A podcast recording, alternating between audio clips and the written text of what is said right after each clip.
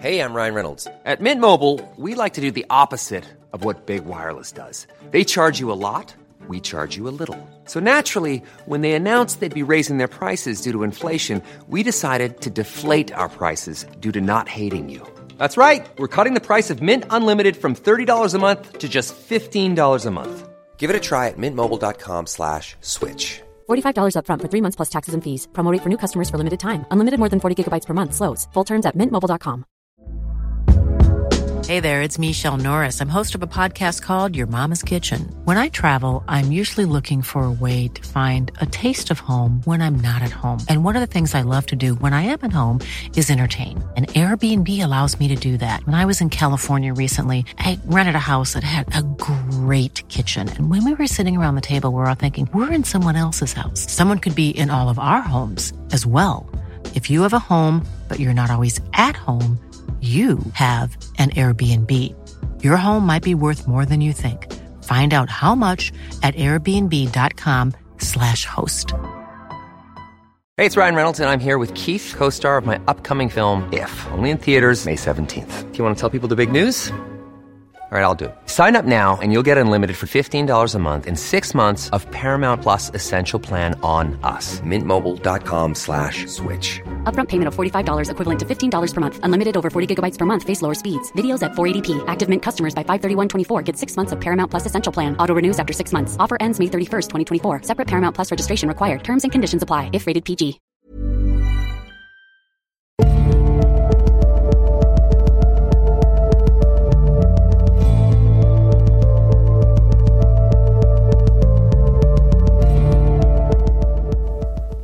Velkommen til Tåkeprat. Jeg heter Even, og nå er vi kommet til episode 53. Og når jeg tar opp denne, så er det søndag den 28. januar 2018. Nylig så var jeg passasjer i en Tesla modell S, og som seg hør bør, så var det det første jeg gjorde, å sjekke ut om Tåkeprat var tilgjengelig via kontrollpanelet i bilen, uten å strømme fra telefonen. Det skulle vise seg at eh, det var den ikke, så jeg tok kontakt med TuneIn, som da blant annet leverer eh, podkast-tjenester til Tesla, og jeg er nå en av de få norske podkastene du får med på kjøpet om du kjøper en Tesla. Og det må jo være et godt eh, salgstriks om du som hører på skulle være en Tesla-selger. TuneIn finnes også som app til diverse operativsystemer til telefoner, og det er da enda en måte å strømme tåkeprat på for deg som bruker Android. Elon Musk har sagt at han planlegger å sende en Tesla til Mars. Jeg er litt usikker på hva som skjedde med den planen. Oppskytingen den var da planlagt denne måneden, men jeg har ikke fått med meg om det er blitt noe av enda. Men om så skulle skje, så blir det da mulig å streame tåkeprat fra den røde planeten om en åtte måneders tid. Om internettforbindelsen er tilstrekkelig da. Man kan vel trygt si at eh, tåkeprat er fremtidsrettet, og det er godt å vite at de første nybyggerne på Mars har kvalitetsunderholdning ventende i sitt nye hjem. Med jevne mellomrom så får jeg spørsmål om tåkeprat er tilgjengelig på Spotify, så jeg tenkte jeg skulle komme med en liten kommentar om hvorfor denne og mange andre podcaster glimrer med sitt fravær på denne tjenesten. Spotify er en musikkstrømmetjeneste, og de åpnet først beta-versjonen av podkast-tjenesten sin i fjor. Men den er da ganske kontroversiell. For det første så siler de hvilke podcaster som strømmes der etter sine egne kriterier. Podkastene skal da blant annet være ungdommelige og tech-orienterte for å komme gjennom nåløyet til Spotify. Dette fremstår som litt underlig for meg, da podkastere selv administrerer og betaler for servertjenestene sine, og Spotify på den måten vil kun få reklame- og abonnementsinntekter fra podcaster. At de da kun skal ta inn podcaster som passer til profilen sin, er i det hele tatt litt rart, og går litt på tvers av ideologien som preger podcastverdenen, med fri informasjonsflyt og frie ytringer. Dette at de får inntekter fra podkastene via reklame og abonnement, har gjort at mange av de største podkasterne styrer unna Spotify, da de ikke trenger den ekstra eksponeringen, og ikke ønsker at andre skal sko seg på deres arbeid. Men siden min første prioritet er å få flest mulig lyttere, så sendte jeg da en søknad da de åpnet betaen sin i fjor. Men jeg har da ikke fått noe svar, og jeg antar at jeg ikke er ungdommelig nok for brukerne av denne strømmetjenesten. Men om jeg en vakker dag havner blant de unge og tech-orienterte, så skal dere få beskjed. I mellomtiden så er det jo bare å kjøpe en Tesla om du er Spotify-bruker. Du finner nemlig Spotify i tillegg til TuneIn i Teslaen. I arbeidet med denne podkasten så kommer jeg til stadighet over merkelige, bisarre og underlige hendelser. I disse dager så blar jeg da litt i gammel norsk retts- og sedelighetshistorie, for å se om det kan være noen interessante historier å koke podkast på. Og jeg må jo si at eh, selv om mange liker å tro at alt var så mye bedre før, så bekrefter historien igjen og igjen at eh, dette ikke er tilfellet. Jeg hørte nylig Bill Nye forklare dette fenomenet at vi husker tidligere tider som så mye bedre enn nå, altså. Som en biologisk overlevelsesmekanisme. Det kommer vel da lite positivt ut av det å gå rundt og huske på alle negative ting til enhver tid. I min søken etter nye historier så kom jeg over en liten artig sak fra den 27. januar 1838 der den 18-årige Gunder Bergersen Lilleåsen ble tiltalt for crimen bestialitatis, eller seksuell omgang med dyr. Han hadde tilstått, og i Norsk rettstiende kan vi lese at hva også ved vitner og sagens data er bestyrket, at han to ganger, første gang omtrent tre uker før sist jul, og siste gang den 2. januar om aftenen, har pleiet omgang med ei ku i fjøset på gården Lilleåsen. Om det var ensomt på Lilleåsen, eller om kua var spesielt søt, det skrives det ingenting om. Denne saken, som kom opp i Solør og Odalens sorenskriveri, endte med en dødsdom for gutten i Høyesterett den 4. august, men det antas at han senere ble benådet til livsvarig straffarbeid. En forholdsvis dramatisk dom fra Høyesterett der, altså, og en artig perle fra norsk rettshistorie. Men ikke akkurat en fortelling som har nok kjøtt på beina til å bli en hel podkast-episode. Og slik er det dessverre med en del av disse gamle norske historiene. Heldigvis så er historien vi nå skal ta fatt på, bedre dokumentert enn den om Gunder og kua på Lilleåsen.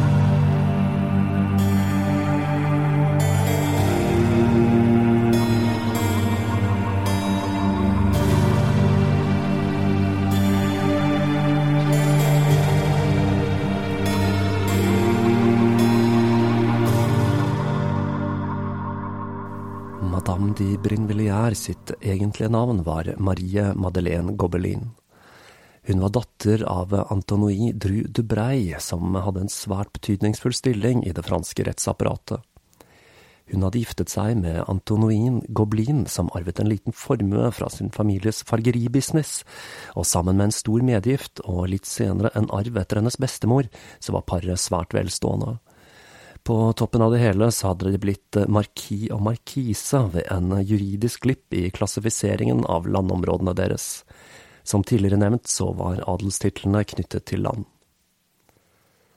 Den første delen av livet var paret visstnok lykkelig, men dette skulle snart endre seg når en selsom karakter dukket opp. De Brenvelier var oberst i hærens Normandie-regiment, og i løpet av tjenesten ble han kjent med en mann som hadde kjøpt seg en stilling som kavalerikaptein i hæren. En svært tiltrekkende, skruppelløs og vittig mann. Saint Croix. Monsieur de Brenvelier likte Saint Croix så godt at han inviterte han med hjem for å bo hos han og kona en stund, men dette skulle raskt vise seg å være et gigantisk feilgrep. Saint Croix og madame de Brevlier ble raskt elskere, og til tross for at monsieur de Brevlier tilsynelatende da ikke brydde seg om dette, så satte ikke familien til madame de Brevlier pris på forholdet, og brødrene hennes de klagde til faren, som brukte sin innflytelse til å skaffe et såkalt lettre de cachet, en kongelig befaling som beordret Saint Croix arrestasjon og fengsling. Han ble pågrepet i vognen til madame de Brevlier og fraktet til Bastillen. I dette fengselet så var det stort sett ganske greit å være fengslet, i hvert fall om du da havnet i en av de bedre cellene. Fangene fikk bra behandling, godt med mat, de kunne sosialisere seg med andre fanger, lese bøker og spille spill, og etter bare seks uker så ble han sluppet fri. Senere så sa madame de Brevlier at uh, man burde aldri hetse noen, for om Saint Croix ikke hadde blitt fengslet, så kan det hende at ingenting hadde skjedd. Senere skulle hun også fortelle at det var i Bastillen han hadde møtt en italiener, Egidio Exili, som hadde inngående kjennskap til gift, og hun skulle ha gitt Saint-Croix en stor sum med penger for å kjøpe giftoppskrifter av denne mannen. Denne Egidio Exili hadde riktignok vært i Bastillen på samme tid som Saint-Croix. Han var i tjeneste hos dronning Victoria av Sverige, og siden forholdet mellom Frankrike og Sverige var anstrengt, så hadde han blitt fengslet. Selv om det er mulig at denne mannen hadde inngående kjennskap til gift, og at han returnerte til Frankrike for å bo med madame de Brevlière, så er dette tvilsomt. Men eh, når eh, hun senere la fram denne historien, så slukte de den rått. Som jeg sa i forrige episode, så var franskmenn svært skeptisk til italienere, og de kunne være troende til det meste om man skulle tro folk i samtiden. Homofili var jo da den italienske lasten. De var fulle av sleipe triks og lureri, og de skulle være mestere til å lage gift. De skulle ha mestret gifttyper som kunne drepe ved innånding og hudkontakt, og hvor noen virket umiddelbart og andre var saktevirkende. Etter Saint Croix slapp ut fra Bastillen, så gjenopptok han og madame de Brevlière forholdet, og Saint Croix han hadde flere jern i ilden. Han leide en eiendom hvor han satte opp et laboratorie. Alkemi var nemlig i vinden, og jakten på de vise sten pågikk for fullt i Paris. Mye kan sies om alkemi og jakten på de vise sten, men i Frankrike på denne tiden så dreide dette seg i stor grad om å finne en måte å lage gull på for å bli rik fort. Men det er mulig at dette laboratoriet ble brukt til andre ting. Det er nemlig flere ting som tyder på at han drev med falskmynteri, og det er jo også en måte å bli raskt rik på. Og muligheten for at han brukte dette til å lure lettlurte sjeler som var på jakt etter en måte å gjøre enkle metaller til gull på, er jo også til stede. Men det tredje alternativet er jo det som er mest fristende å tro, da. At han begynte å masseprodusere giften han hadde lært oppskriften på av Exili. Men dette stemmer ikke med hva madame de Brevlière skulle fortelle siden. Hun sa nemlig at han fikk giften sin fra en sveitsisk kjemiker, Christoph Glaser, som ikke bare hadde blitt kongens apoteker og var en svært prominent kjemiker i samtiden, men han gjorde også en rekke nye oppdagelser innen kjemi. I tillegg til da å konstruere en rekke tvilsomme medisiner, men det var jo ikke akkurat helt uvanlig på den tiden, da.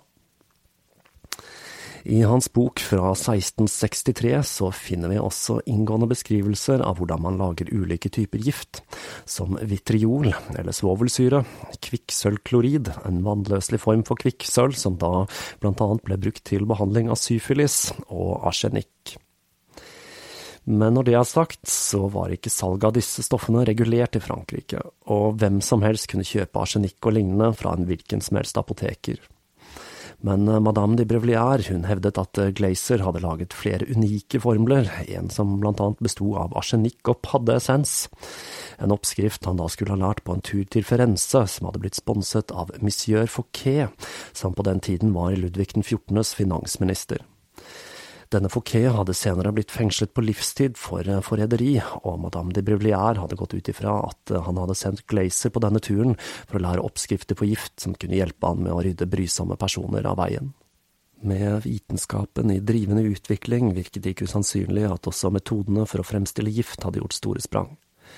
Men det er lite som tyder på at eh, dette er tilfellet. Selv om madame Brevlière hevdet at Glazer hadde lært Saint-Croix en rekke hemmelige oppskrifter før han døde. To av ofrene til madame de Brevlier ble obdusert, nettopp fordi de viste tegn til forgiftning.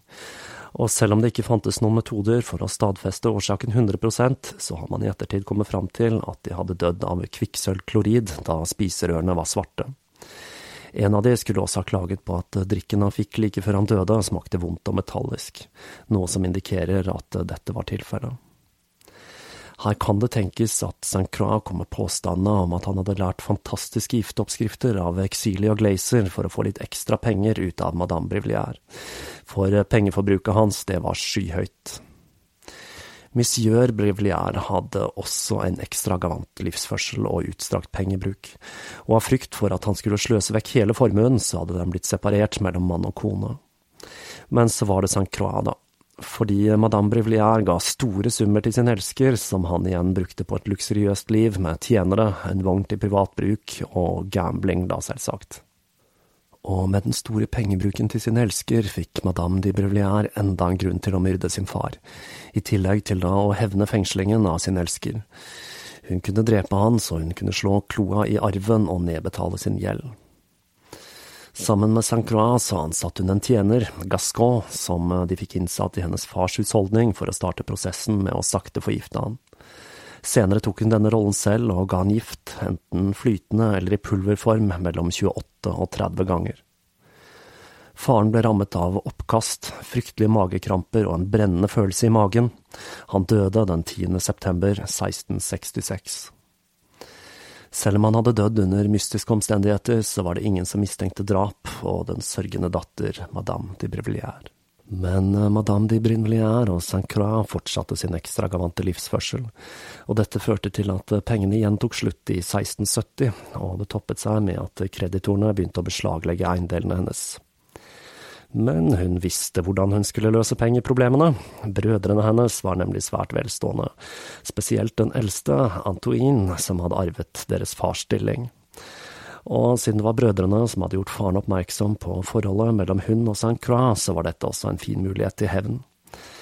Det hun tydeligvis ikke tenkte på, var at brødrene ikke hadde testamentert formuen sin til henne, men man kan da ikke tenke på alt heller.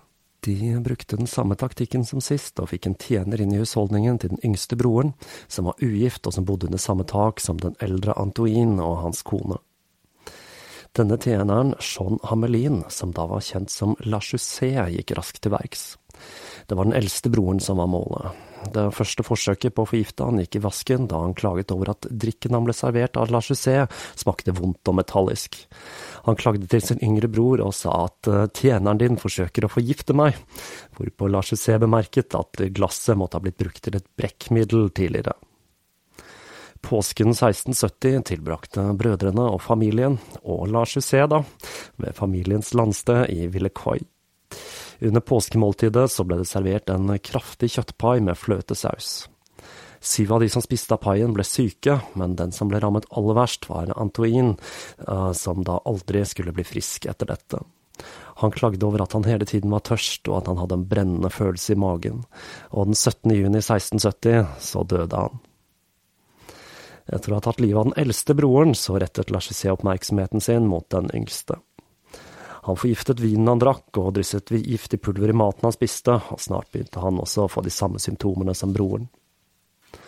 Han ble så syk og var så plaget av oppkast og diaré med blod og verk at få orket å nærme seg det han der han lå på sykeleie. Men den listige La Chaussée opptrådde som en reddende engel ved sin herres side, og han var den eneste som skiftet sengetøyet hans og holdt ham med selskap. Madame de Brinvilliers ble tilkalt da det var åpenbart at broren ikke hadde reng igjen, og hun møtte motvillig og irritert opp i huset og klagde over alle de kyske og religiøse menneskene som var samlet der. Heldigvis for henne så døde broren like etter hun dukket opp, i september 1670.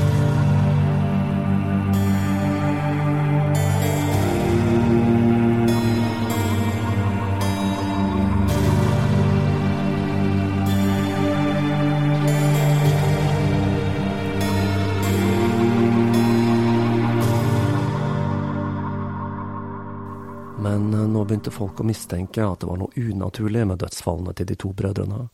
Forgiftning ble mistenkt, og liket ble obdusert. Det skulle vise seg at mage og lever var helt svart og fullt av verk, og tarmene var så uttørket at de var i ferd med å gå i oppløsning. Selv om sykdom ikke kunne utelukkes 100% så fastslo legen at dødsfallet måtte ha blitt forårsaket av gift eller en ukjent sykdom som hadde samme effekt men sannsynligheten for at en sjelden tilstand skulle ramme begge brødrene med så kort mellomrom, var så liten at det mest sannsynlig dreide seg om mord. Men eh, selv om det så ut til at det dreide seg om giftmord, så hadde ingen en anelse om hvem som sto bak. La Chaussé han var overhodet ikke under mistanke, tvert imot. På grunn av hans hengivenhet under sykdomsforløpet hadde Hans Herre testamentert en god slump med penger til han. Men madame de Brevlière hun var ikke tilfreds med å ha drept sin far og to brødre. Hun begynte nå å planlegge å myrde sin søster. Hun var nemlig svært religiøs og donerte store summer til religiøse organisasjoner. Penger madame de Brevlière mente tilhørte familien. Og så var det hennes svigersøster, da, for hun hadde jo arvet formuen til Antoine. Og disse pengene de tilhørte da visselig madame Brivlière for alt bryderiet hun hadde hatt med å rydde han av veien. Hun begynte å legge en plan om hvordan hun skulle få plassert en tjener i husholdningen hennes.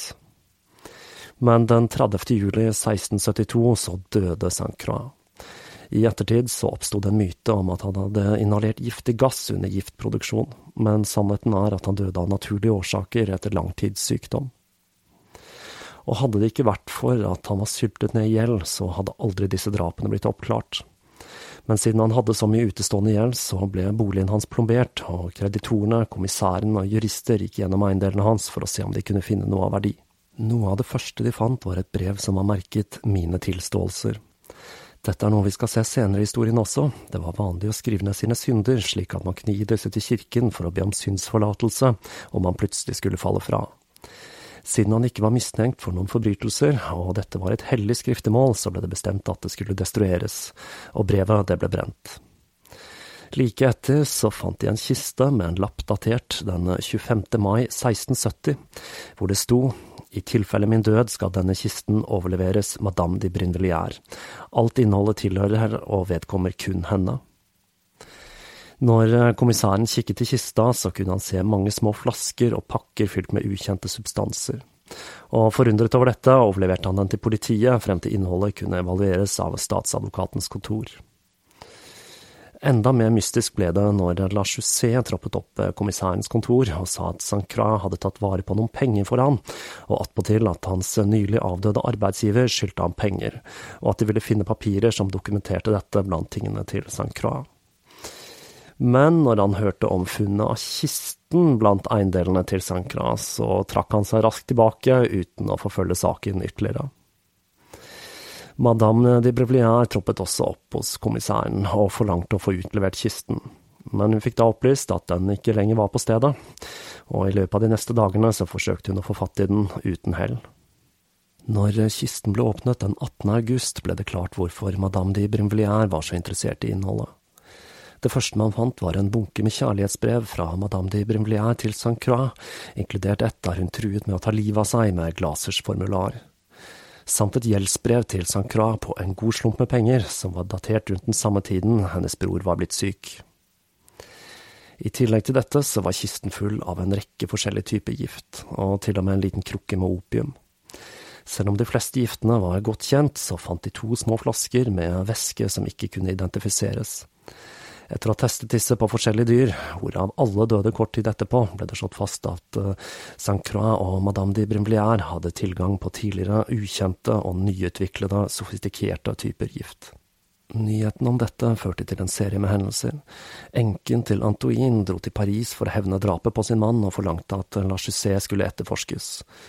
Han klarte å gå i skjul en liten stund, men han ble arrestert mens han snek seg rundt i Paris i en lang frakk den 4. september 1672. Madame de Brinvilliers derimot, hun klarte å flykte fra landet før hun ble arrestert. Her må vi se litt på det franske rettssystemet på denne tiden. Som jeg sa i forrige episode, så skal jeg ikke gå for dypt i detalj, men et par ting er verdt å merke seg. Rettssakene ble ledet av en magistrat, som da satte sammen saken mot den tiltalte og intervjuet vitner. Denne ble så lagt fram foran et dommerpanel. Det var altså ingen jury, og den tiltalte ble også fremstilt foran vitnene som gjentok beskyldningene mot han eller henne, før dommerpanelet avsa dommen. Når La Chaussée sin sak kom opp, kom det fram at det ble funnet en flaske gift på han når han ble arrestert. Selv hevdet han at han brukte dette preparatet for å stoppe blødninger da han var barberer. Flere av vitnene fortalte at eh, selv om han hadde opptrådt svært lojalt i husholdningen til Antoine, så hadde han overfor bekjente uttrykket et ønske om at han snart kom til å dø. Men dommerne syntes ikke dette var nok, og de godkjente derfor bruken av tortur for å tvinge fram en tilståelse. Og dette er litt artig. Man hadde nemlig gått vekk ifra å bruke tortur før den anklagede ble dømt. Den vanlige prosedyren på denne tiden var da å torturere personen etter han var blitt dømt. Man var nemlig redd for at eh, personer som visste at de var skyldige, ville holde tilbake informasjon under tortur, og dermed bli frikjent selv om de var skyldige. Og det å torturere etterpå virket da mer logisk, fordi man kunne føle seg mer sikre på at informasjonen man fikk, den var korrekt. Og det var nettopp denne tankegangen som fikk enken til å sette en stopper for den planlagte torturen. Hun fryktet nemlig at Lars Jusset var så utspekulert at han kunne motstå tortur, og dermed ville slippe fri. Og dommerne de hørte på denne kvinnen, og den 24. mars 1673 så ble Lars Jusset funnet skyldig i drap og dømt til å bli brukket på hjulet etter først å ha gjennomgått tortur. Og nå skal vi kose oss med litt tortur her igjen i Tåkeprat. Trikset for å få fram en tilståelse med tortur var ikke så mye torturen, men at den som ble torturert fikk hvile på en madrass imellom omgangene. Frykten for at torturen skulle gjenopptas, fikk da den dømte til å tilstå og peke ut medsammensvorne. Han ble torturert med brodekin. Det var et apparat der beina ble låst fast mellom to planker, som sakte ble strammet inn ved at det ble drevet inn kjegler. Dette førte til enorme smerter når beina sakte, men sikkert ble knust. Til tross for at han holdt en god stund, så sprakk han til slutt og innrømmet å ha stått bak drapet på de to brødrene. Dødsstraffen skulle ikke stå tilbake for torturen. Å bli brukket på hjulet var nemlig en skrekkelig straff. Den dødsdømte fikk spredt armer og bein og ble bundet horisontalt på et stort hjul, hvorpå lemmer og kropp ble slått i stykker med en jernstang. Døden kom sakte mens bein brakk og indre organer ble ødelagt. Det ble sett på som nåde om den dødsdømte ble skjenket en tidlig død ved å bli kvelt før prosessen var fullbyrdet. Så heldig var ikke Lars Jusset.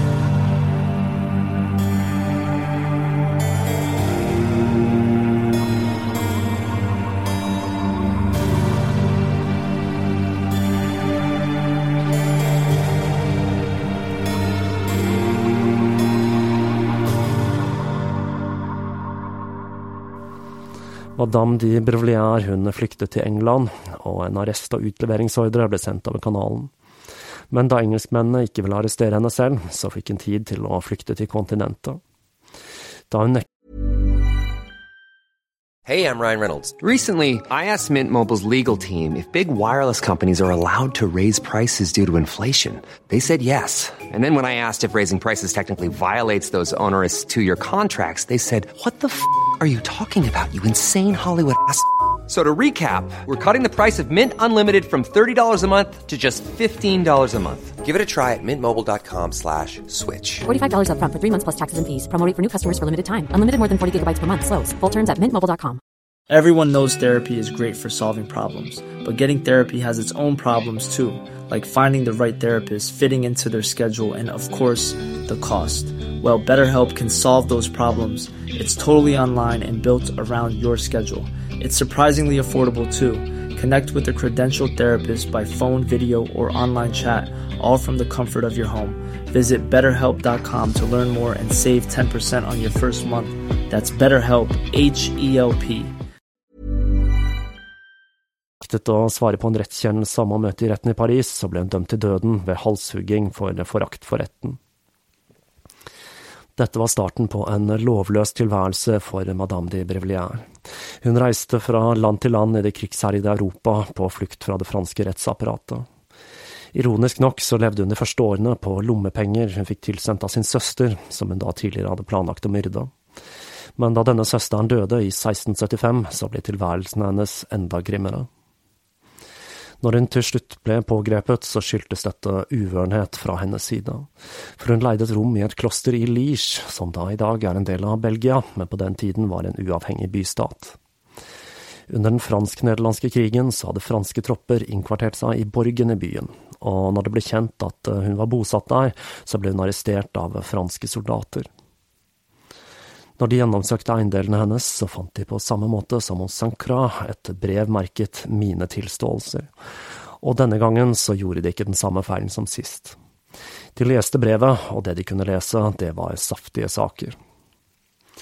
For det første så tilstod hun å ha forgiftet sin far og sine to brødre, og for å ha forsøkt å forgifte sin mann og sin datter. Totalt så skulle hun ha forsøkt å ta livet av mannen sin fem til seks ganger, for da å gjøre livet mer behagelig for seg selv men alle gangene hadde hun angret seg og sluttet med forgiftningen. Og så var det sexlivet, da. For hun skrev at Monsieur de Brevlière kun var far til to av hennes fem barn. To av de var barna til Saint-Croix, og den siste hadde hun fått med en fetter. Hun skrev også at hun ville ha fått mange flere barn, hadde det ikke vært for at hun hadde gjennomført en serie med aborter. I tillegg så skrev hun at hun hadde begått incest inntil tre ganger i uka, kanskje 300 ganger totalt, og hun hadde mistet sin jomfrudom da hun var syv, og hun var enda yngre da hun og broren første gang hadde begynt med urene handlinger. I samtiden ble dette tolket som at hun hadde vært ond og syndig siden hun var barn. Men sett med moderne øyne så kan jo dette ha vært en del av årsaken til hvorfor hun begikk disse drapene. Det får meg til å tenke på Eileen Warnos og hennes eh, grusomme oppvekst, for de av dere som kjenner til denne relativt friske damen. Men det får bli en historie for en annen episode. På vei tilbake til Frankrike så gjorde hun flere forsøk på å ta livet av seg, og ikke spesielt behagelige måter, må jeg vel si. Hun forsøkte dette da ved å spise glass, og ved å forsøke å spidde seg selv med å stikke en skarp stake i vagina. Vlad Tepers-style, altså. Når nyheten om sistnevnte nådde Paris, så ble dette tolket som at hun søkte seksuell tilfredsstillelse, og som enda et eksempel på denne kvinnens ekstreme perversitet. Rettssaken mot henne skulle vise seg å være en langt vanskeligere oppgave enn man først hadde forestilt seg. Brevet på kisten med giften var datert den 25. mai 1670, og det var mulig at giften kunne ha blitt plassert der etter det. Det var flere vitner, men ingen som var overbevisende for magistraten og dommerne. Madame de Brevlier hun hevdet selv sin uskyld, og sa at hun ikke visste noe om St. Croix sine planer om å myrde hennes brødre, og hun sa at gjeldsbrevet var blitt gjemt til kisten for å holde det unna kreditorene. Magistratene var også usikre på om brevet med tilståelsene kunne brukes, da dette var et hellig skriftemål. Men etter å ha diskutert dette med teologer, så kom de fram til at tilståelsen var skrevet uten en prest til stede, og dermed kunne brukes som bevis. I tillegg til dette så dukket det opp enda et vitne, Jean-Baptiste Braincourt, som hadde vært lærer for barna hennes, og kort tid etter så hadde han blitt hennes elsker. Han fortalte om en tilværelse der han sakte, men sikkert ble vevet inn i Madame de Brevlière og Saint Cras drapsplaner, og etter selv å ha blitt spurt om å hjelpe til med å drepe hennes søster og svigersøster, og nektet dette, så hadde de to forsøkt å myrde han. Etter å ha blitt lokket inn på soverommet til madame de Brevlier med løfter om sex, hadde han blitt overrumplet av Saint Croix, men etter et kort basketak ristet han av seg Saint Croix, som flyktet, og madame de Brevlier kastet seg selv over han og klorte og slo. Da hun endelig ga seg, så kastet hun seg hylgråtende på sengen og truet med å ta gift. Det var da Jean Baptiste bestemte seg for at det var en god idé å finne en annen arbeidsgiver. Under hele rettssaken forholdt madame de Brevlier seg iskald. Hun avfeide alle beskyldningene og kalte Jean Baptiste en drukkenbolt. Men dommerne lot seg ikke overbevise, og den 16. juli ble hun dømt til tortur og til å bli henrettet ved halshugging, for så å bli brent og få asken spredd med vinden. Dette var da faktisk en redusert straff. Aktoratet ville at hun skulle få den høyre hånden kappet av som straff for farsdrap før henrettelsen. Men dommerne viste nåde, noe som da også kommer fram av den forholdsvis lette dødsstraffen, halshugging. Mens hun ventet på å bli torturert, så fikk hun en prest sendt til cellen sin, noe som var vanlig rutine for at han skulle kunne ta skriftemål og redde sjelen til den dødsdømte. Denne presten var en jesuitt ved navn Edme Pirot, og han fikk beskjed om at det ikke bare var sjelen hennes de var redde for, men også at dette kunne dreie seg om en langt dypere konspirasjon, og at det var essensielt at han overbeviste henne om at hun måtte lette hjertet sitt før hun døde. Det ble bestemt at hun skulle utsettes for vanntortur. Formen for vanntortur de benyttet seg av, var en der offeret ble tvangsfòret med vann i store mengder, gjerne ti liter eller mer. Før torturen startet, så kom madame de Brevlière med en tilståelse. Hun fortalte at hun hadde forgiftet sin far og to brødre, og hun sa at Croix hadde fortalt henne historien om Glazer og giften han hadde lært å lage i Firenze, men da hun ikke kom med noen nye avsløringer, så satte de i gang med torturen. Først ble hun kledd naken og spent over en trebukk. Anklene hennes ble bundet til en ring i gulvet og håndleddene til ringer lavt i veggen, slik at hun lå i en unaturlig og svært ubehagelig stilling. Et kuhorn ble tvunget ned i halsen på henne, og vannet ble helt ned. Mellom hver halvannen liter ble det stilt spørsmål før torturen fortsatte. Helt ifra begynnelsen var det klart at hun var i store smerter, for når de spente henne over bukken, så skrek hun Å Gud, de dreper meg selv om jeg har sagt sannheten, og i den første pausen så skrek hun Dere dreper meg men de fortsatte torturen da hun ikke oppga mer informasjon. Halvveis i prosessen byttet ut bukken med en som var i en enda mer unaturlig vinkel, og som gjorde at tauene på ankler og håndledd gravde seg enda lenger inn. Og hun skrek, Gud, ha nåde med meg, dere river meg i stykker, Gud tilgi meg, Gud vis meg nåde. Men torturen fortsatte nådeløst. Det eneste de oppnådde med torturen, var at hun sa at de måtte bare drepe henne om de ønsket, men hun ville ikke besudle sjelen sin ytterligere med løgn. Når torturen var over, så ble hun sendt tilbake til cellen hvor presten ventet. Etter fire timer ble hun ført ut og mot rettestedet. En gruppe adelige damer hadde samlet seg for å få et glimt av denne beryktede damen. Blant de var en av de mest betydningsfulle kvinnene ved hoffet til Ludvig den 14., grevinna Soisson, som senere selv skulle bli en del av La Fère de Poisson. Damene kniste i skrekkblandet fryd da de så kvinnen som ble ført ut for å møte sitt endelikt på skafottet. Etter å ha, som var tradisjonelt, proklamert sin anger foran Notre-Dame med fakkel i hånd, ble hun satt på en kjerre og kjørt til Plastikkrev. Menneskemengden var så tette at kusken måtte bruke pisken for å skille den og komme fram til stedet der hun skulle halshugges. Pirot ba for sjelen hennes mens bøddelen barberte hodet. Hun bøyde hodet i påvente av bøddelens sverd. Det lynte i stål. Pirou så på i vantro. I en stund som virket som en evighet, så det ut som han hadde bommet, før hodet sakte skled av nakken og falt av. Den lille kroppen ble brent på bålet den samme kvelden, og asken spredde seg med nattevindene i de mørke gatene i Paris.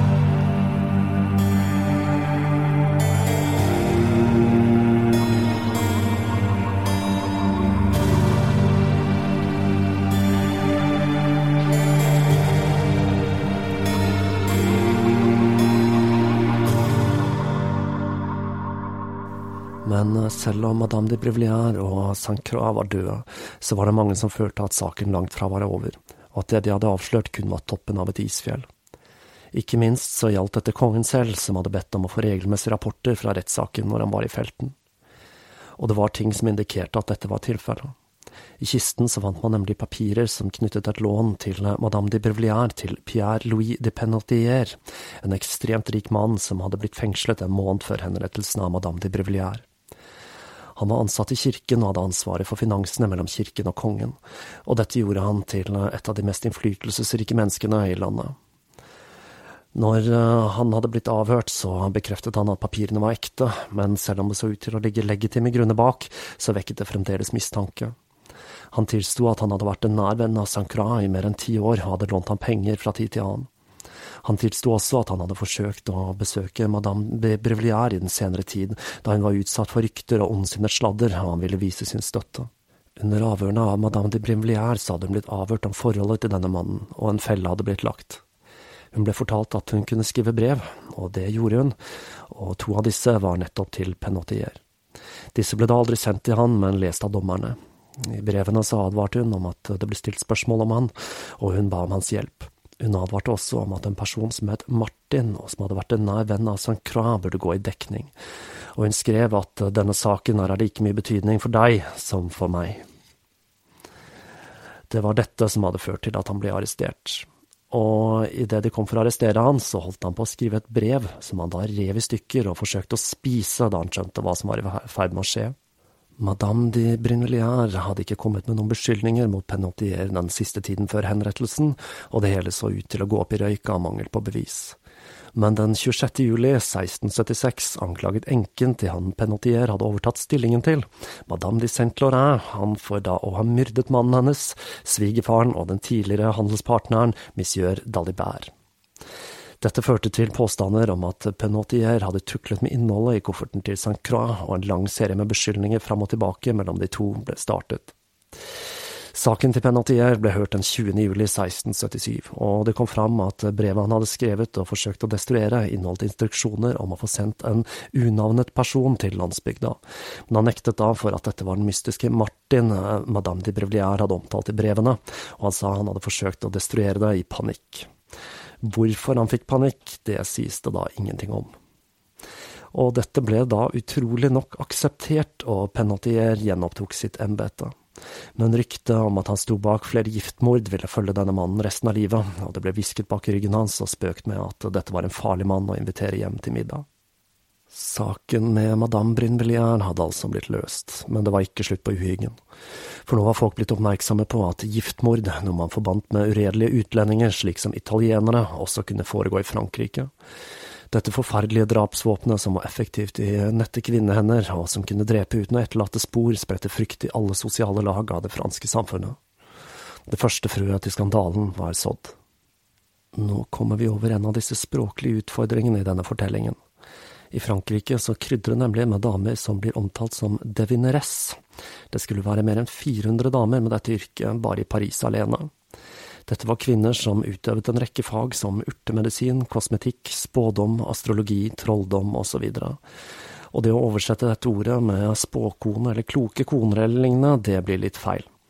Så jeg hopper rett i det og velger å bruke heks for å beskrive disse. For det er jo akkurat det de ville ha blitt omtalt som om de hadde operert i en litt annen tid eller et annet sted. Men vær klar over at dette altså er litt feil, ut ifra hvordan samtiden selv omtalte det, og at disse ikke var utsatt for forfølgelse på samme måte som sine medsøstre under hekseprosessene. Når det er sagt, så er jo Devineress et jævlig fett bandnavn, da. Så om ikke det er tatt allerede, så har du et tips der, altså. Den siste som ble dømt og henrettet for heksekunst i Frankrike, det var Catherine Boulot i 1625. Og etter dette så hadde alle de anklagede heksene fått omgjort dødsdommene sine til å bli sendt i eksil. Men selv om troen på heksekunst og hekser var avtagende, så kunne de som leflet med det okkulte i teorien straffes hardt. Noe en prest, Bernhard Torrent, fikk erfare da han ble brent levende i 1677, for da å ha ledet en svart messe. Den neste personen som eh, skulle bli involvert i denne skandalen, var nettopp ei slik heks, eller devineress, Magdalene de Lagrange. Hun var den 36-årige enken etter en skattefut, og var kjent for sine treffsikre spådommer om da blant annet den nederlandske krigen og dronningens graviditeter. Hun var også kjent for å fortelle sine klienter at de var blitt forgiftet når de var syke, for så da å gi dem motgift. De siste åtte årene hadde hun levd et svært luksuriøst liv hos en eldre advokat, Jeanne Grange, og jeg antar da at hun var elskeren hans. Ifølge henne så hadde han til slutt fridd, og de to hadde giftet seg. Den 17. august 1976 så dro hun og en mann som utga seg for å være Jean Grange, til en notar, hvor de da viste fram ekteskapskontrakten og satte opp et testament som testamenterte alle eiendelene hans til madame de la Grange. Og like etterpå så døde mannen, gitt.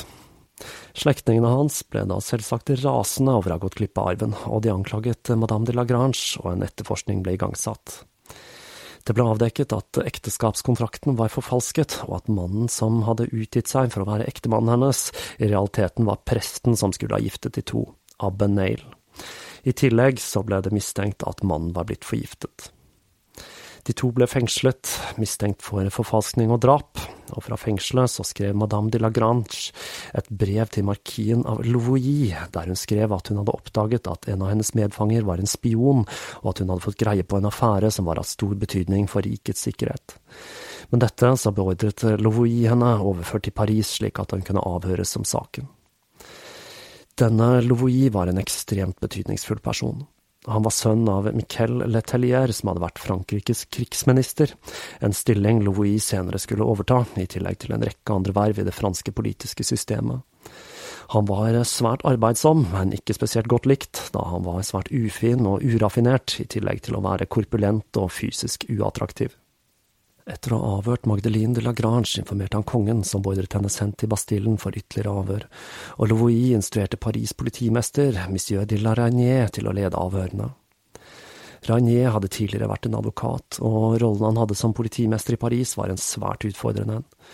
Kongen selv hadde sagt at han ville underkaste seg autoriteten til Reynier om nødvendig, for da å underbygge viktigheten til rollen hans. Stillingen som politimester den innebar langt mer enn hva vi i dag forbinder med denne typen jobb. Han var en slags borgermester, og han ansvaret for en rekke samfunnsoppgaver utover det å kun ta seg av lovbrytere, som renhold, katastrofeberedskap, matlager, sensur og prisregulering. Under hans ledelse var Paris blitt forvandlet fra en av de mest møkkete og voldelige byene i Europa til en moderne verdensmetropol. Han hadde annet introdusert gasslamper i byen, noe som hadde ført til en dramatisk reduksjon av kriminalitet. Som Louis hadde instruert, så avhørte han Lagrange i Bastillen. Hun gjentok historien sin og kunne nå fortelle at livet til kongen og dauphin var i fare. Men da hun ikke kom med spesifikke detaljer, så ble hun sendt tilbake til Conciergerie, hvor hun skulle avvente rettssaken. I mellomtiden ble et mystisk anonymt brev funnet i en kirke i Paris, som bekreftet historien til Lagrange. Og selv om dette godt kunne ha vært en forfalskning, lagt der av personer som konspirerte med Lagrange, så ble fullbyrdelsen av dommen, som da selvsagt var tortur og dødsstraff, utsatt på grunn av dette og en ting til som indikerte at det var høyerestående personer involvert. Louis Vanens ble arrestert i desember 1677, sammen med sin tjener La Chaboisser og en finansmann, Pierre Cadelan. Vanens hevdet nemlig at han hadde funnet ut hvordan man kunne lage gull, og Cadelan hadde gitt ham betydelige summer med penger for å gjøre akkurat dette. Men Louvois syntes det hele virket merkelig, og at det virket usannsynlig at en så smart mann som Cadelan skulle falle for denne typen svindel. Det hele ble enda mer mystisk når tjeneren, Lars Aboisær, sa at om han ble benådet, så kunne han fortelle om en konspirasjon som omfattet kongen, og som kunne redde så mange som 50 menneskeliv i året. Dette førte til at enda flere mennesker i Vanens nærmeste sirkel ble arrestert, blant annet elskerinnen hans og kjæresten til Lars Aboisær. De kunne fortelle at de hadde sett Lars Aboisær koke i hop urt urter og pulvere, hvorpå han helte blandingen i små glassflasker som ble sendt til utlandet, og at han senere forklarte at det var Kabelan som hadde betalt for det hele. Med disse tilståelsene ble det etter hvert tegnet et bilde av et internasjonalt nettverk som jobbet systematisk med å myrde viktige politiske figurer i Europa. Damene fortalte om et miljø der man hadde et veldig lettsindig forhold til liv og død, og mange i Vanens nære omgangskrets hadde dødd på mystisk vis. Igjen så ble det fortalt om hittil ukjente typer gift som kunne drepe ved berøring, som var langtidsvirkende og ikke etterlot seg spor, og La Chabiosai sa at eh, Madame de Brimelière ikke var død, for hun hadde etterlatt seg arvinger. Etterforskerne begynte å gå gjennom eh, personer i Vanens eh, omgangskrets, og flere historier ble avdekket.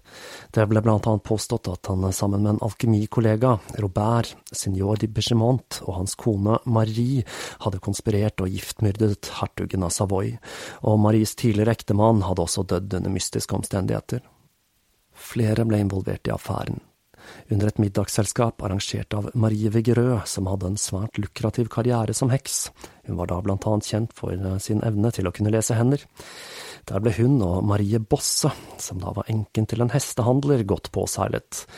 Og Marie Bosse hun begynte å skryte av at det var kun tre mennesker til hun trengte å forgifte for å få råd til å pensjonere seg. Dette ble rapportert til eh, og de to damene og barna til madame Bosse ble arrestert og ført til Chateau de Vincennes, en 1400-tallsfestning i utkanten av Paris, hvor alle de som ble mistenkt i skandalen, ville bli fengslet over de neste tre årene. Med arrestasjonen av disse to damene begynte søkelyset å bli rettet mot Frankrikes undergrunn av hekser, trollmenn og alkymister. Det skulle komme lite ut av avhørene av Lagrange og Nail, og de to ble hengt den 8. februar 1679, uten å komme med noen avsløringer som ga Louis flere spor å gå etter. Men fengselet begynte å fylle seg opp med nye mistenkte, og med Marie Bosse og Madame de Vigerø bak lås og slå, så øynet han håp om å komme til bunns i konspirasjonen som så ut til å vokse seg større med hver nye avsløring.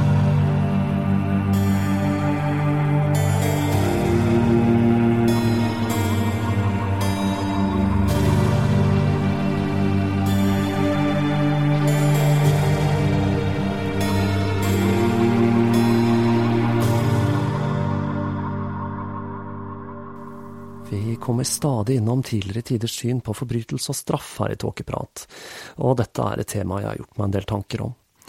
Det er jo et enormt filosofisk og etisk dilemma, og jeg har da ingen illusjoner om at jeg sitter på verken den endelige løsningen eller et godt svar på hvordan dette bør gjøres. Her i Norge så er vel den gjeldende filosofi rehabilitering og ikke straff, slik som er gjeldende i annet USA, som da ikke bare har den høyeste andelen fanger i forhold til befolkningstallet i verden, men deler av fengselsvesenet er da altså privatisert og basert på profitt, noe som i mine øyne er en form for moderne slaveri, og et av de skrekkeligste eksemplene på hva som skjer når vi lar den økonomiske ideologien om evig vekst og ideen om at man skal tjene penger på absolutt alt, få gå amok. Norge blir ofte trukket fram som et godt eksempel der rehabilitering og reintegrering i samfunnet gjør at gjentagelsesfaren for tidligere straffedømte blir dramatisk redusert, og vi får håpe at i vårt forsøk på å drive alle funksjonene i samfunnet med profitt, ikke velger å gjøre dette også med fengselsvesenet, på samme måte som med andre tjenester som post og renovasjon. Men til tross for at vi ligger langt foran mange andre land, så har vi på langt nær funnet en endelig løsning på denne utfordringen. Her kan jeg for øvrig tipse om kronikken Vi tør ikke ta ordet livstid i vår munn til den forvaringsdømte Stig Milehaugen, som ligger på NRKs ytring. Denne drapsdømte mannen, som har tilbrakt store deler av sitt liv i norske fengsler, har et par gode poeng å komme med når det gjelder bruk av forvaring.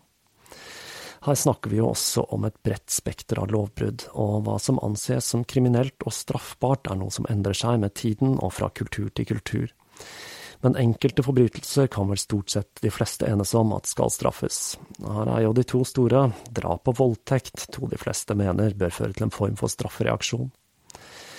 Men uh, hvordan man skal straffe og gradere disse på en måte som gjør at offer og de pårørende føler at de har fått oppreisning, og på en måte som gjør at man begrenser gjentagelsesfaren, er en nøtt vi enda ikke har klart å knekke.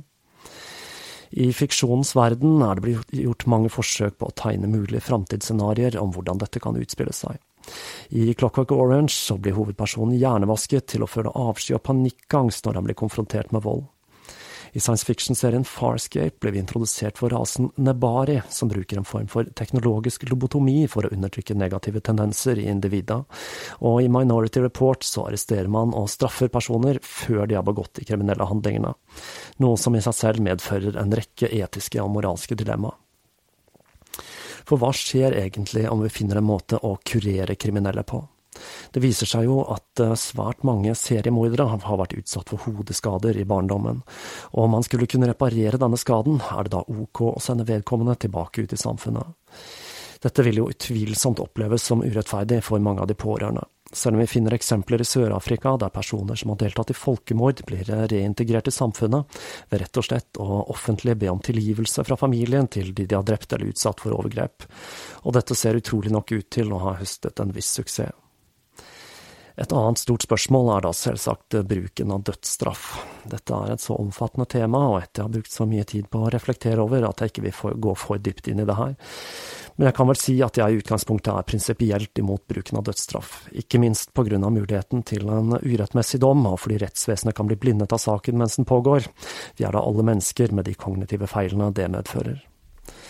Men prisen for å leve i et samfunn uten dødsstraff er at man fra tid til annen vil bli sittende igjen med svarteper. En person som aldri kan løslates fordi forbrytelsen vedkommende har begått, er så grusom og rammet så mange at det å slippe vedkommende ut i samfunnet igjen vil være utenkelig.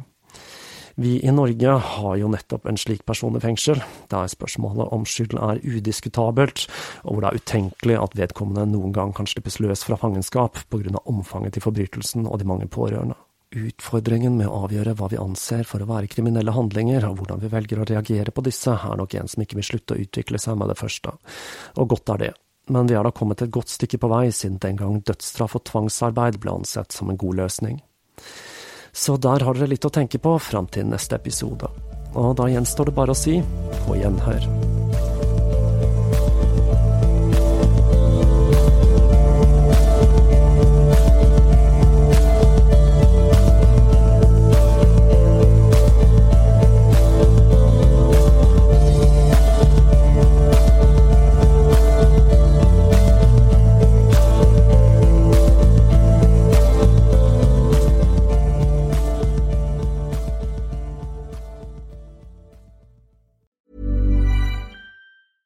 Planning for your next trip?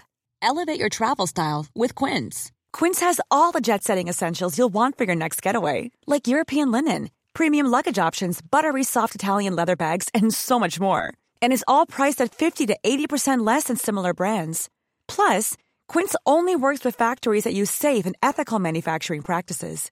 Pack your bags with high-quality essentials you'll be wearing for vacations to come with Quince. Go to quince.com slash pack for free shipping and 365-day returns. Summer's just around the corner, so give your body the care it deserves with Osea's best-selling Undaria Algae Body Oil. Created by infusing Undaria seaweed in barrels of botanical oils, it leaves skin silky soft and glowing Plus, it's clinically proven to improve elasticity and deeply moisturize without feeling greasy. It's safe, clean, vegan skincare. Get 10% off your first order at OseaMalibu.com with code GLOW, plus free shipping on orders over $60.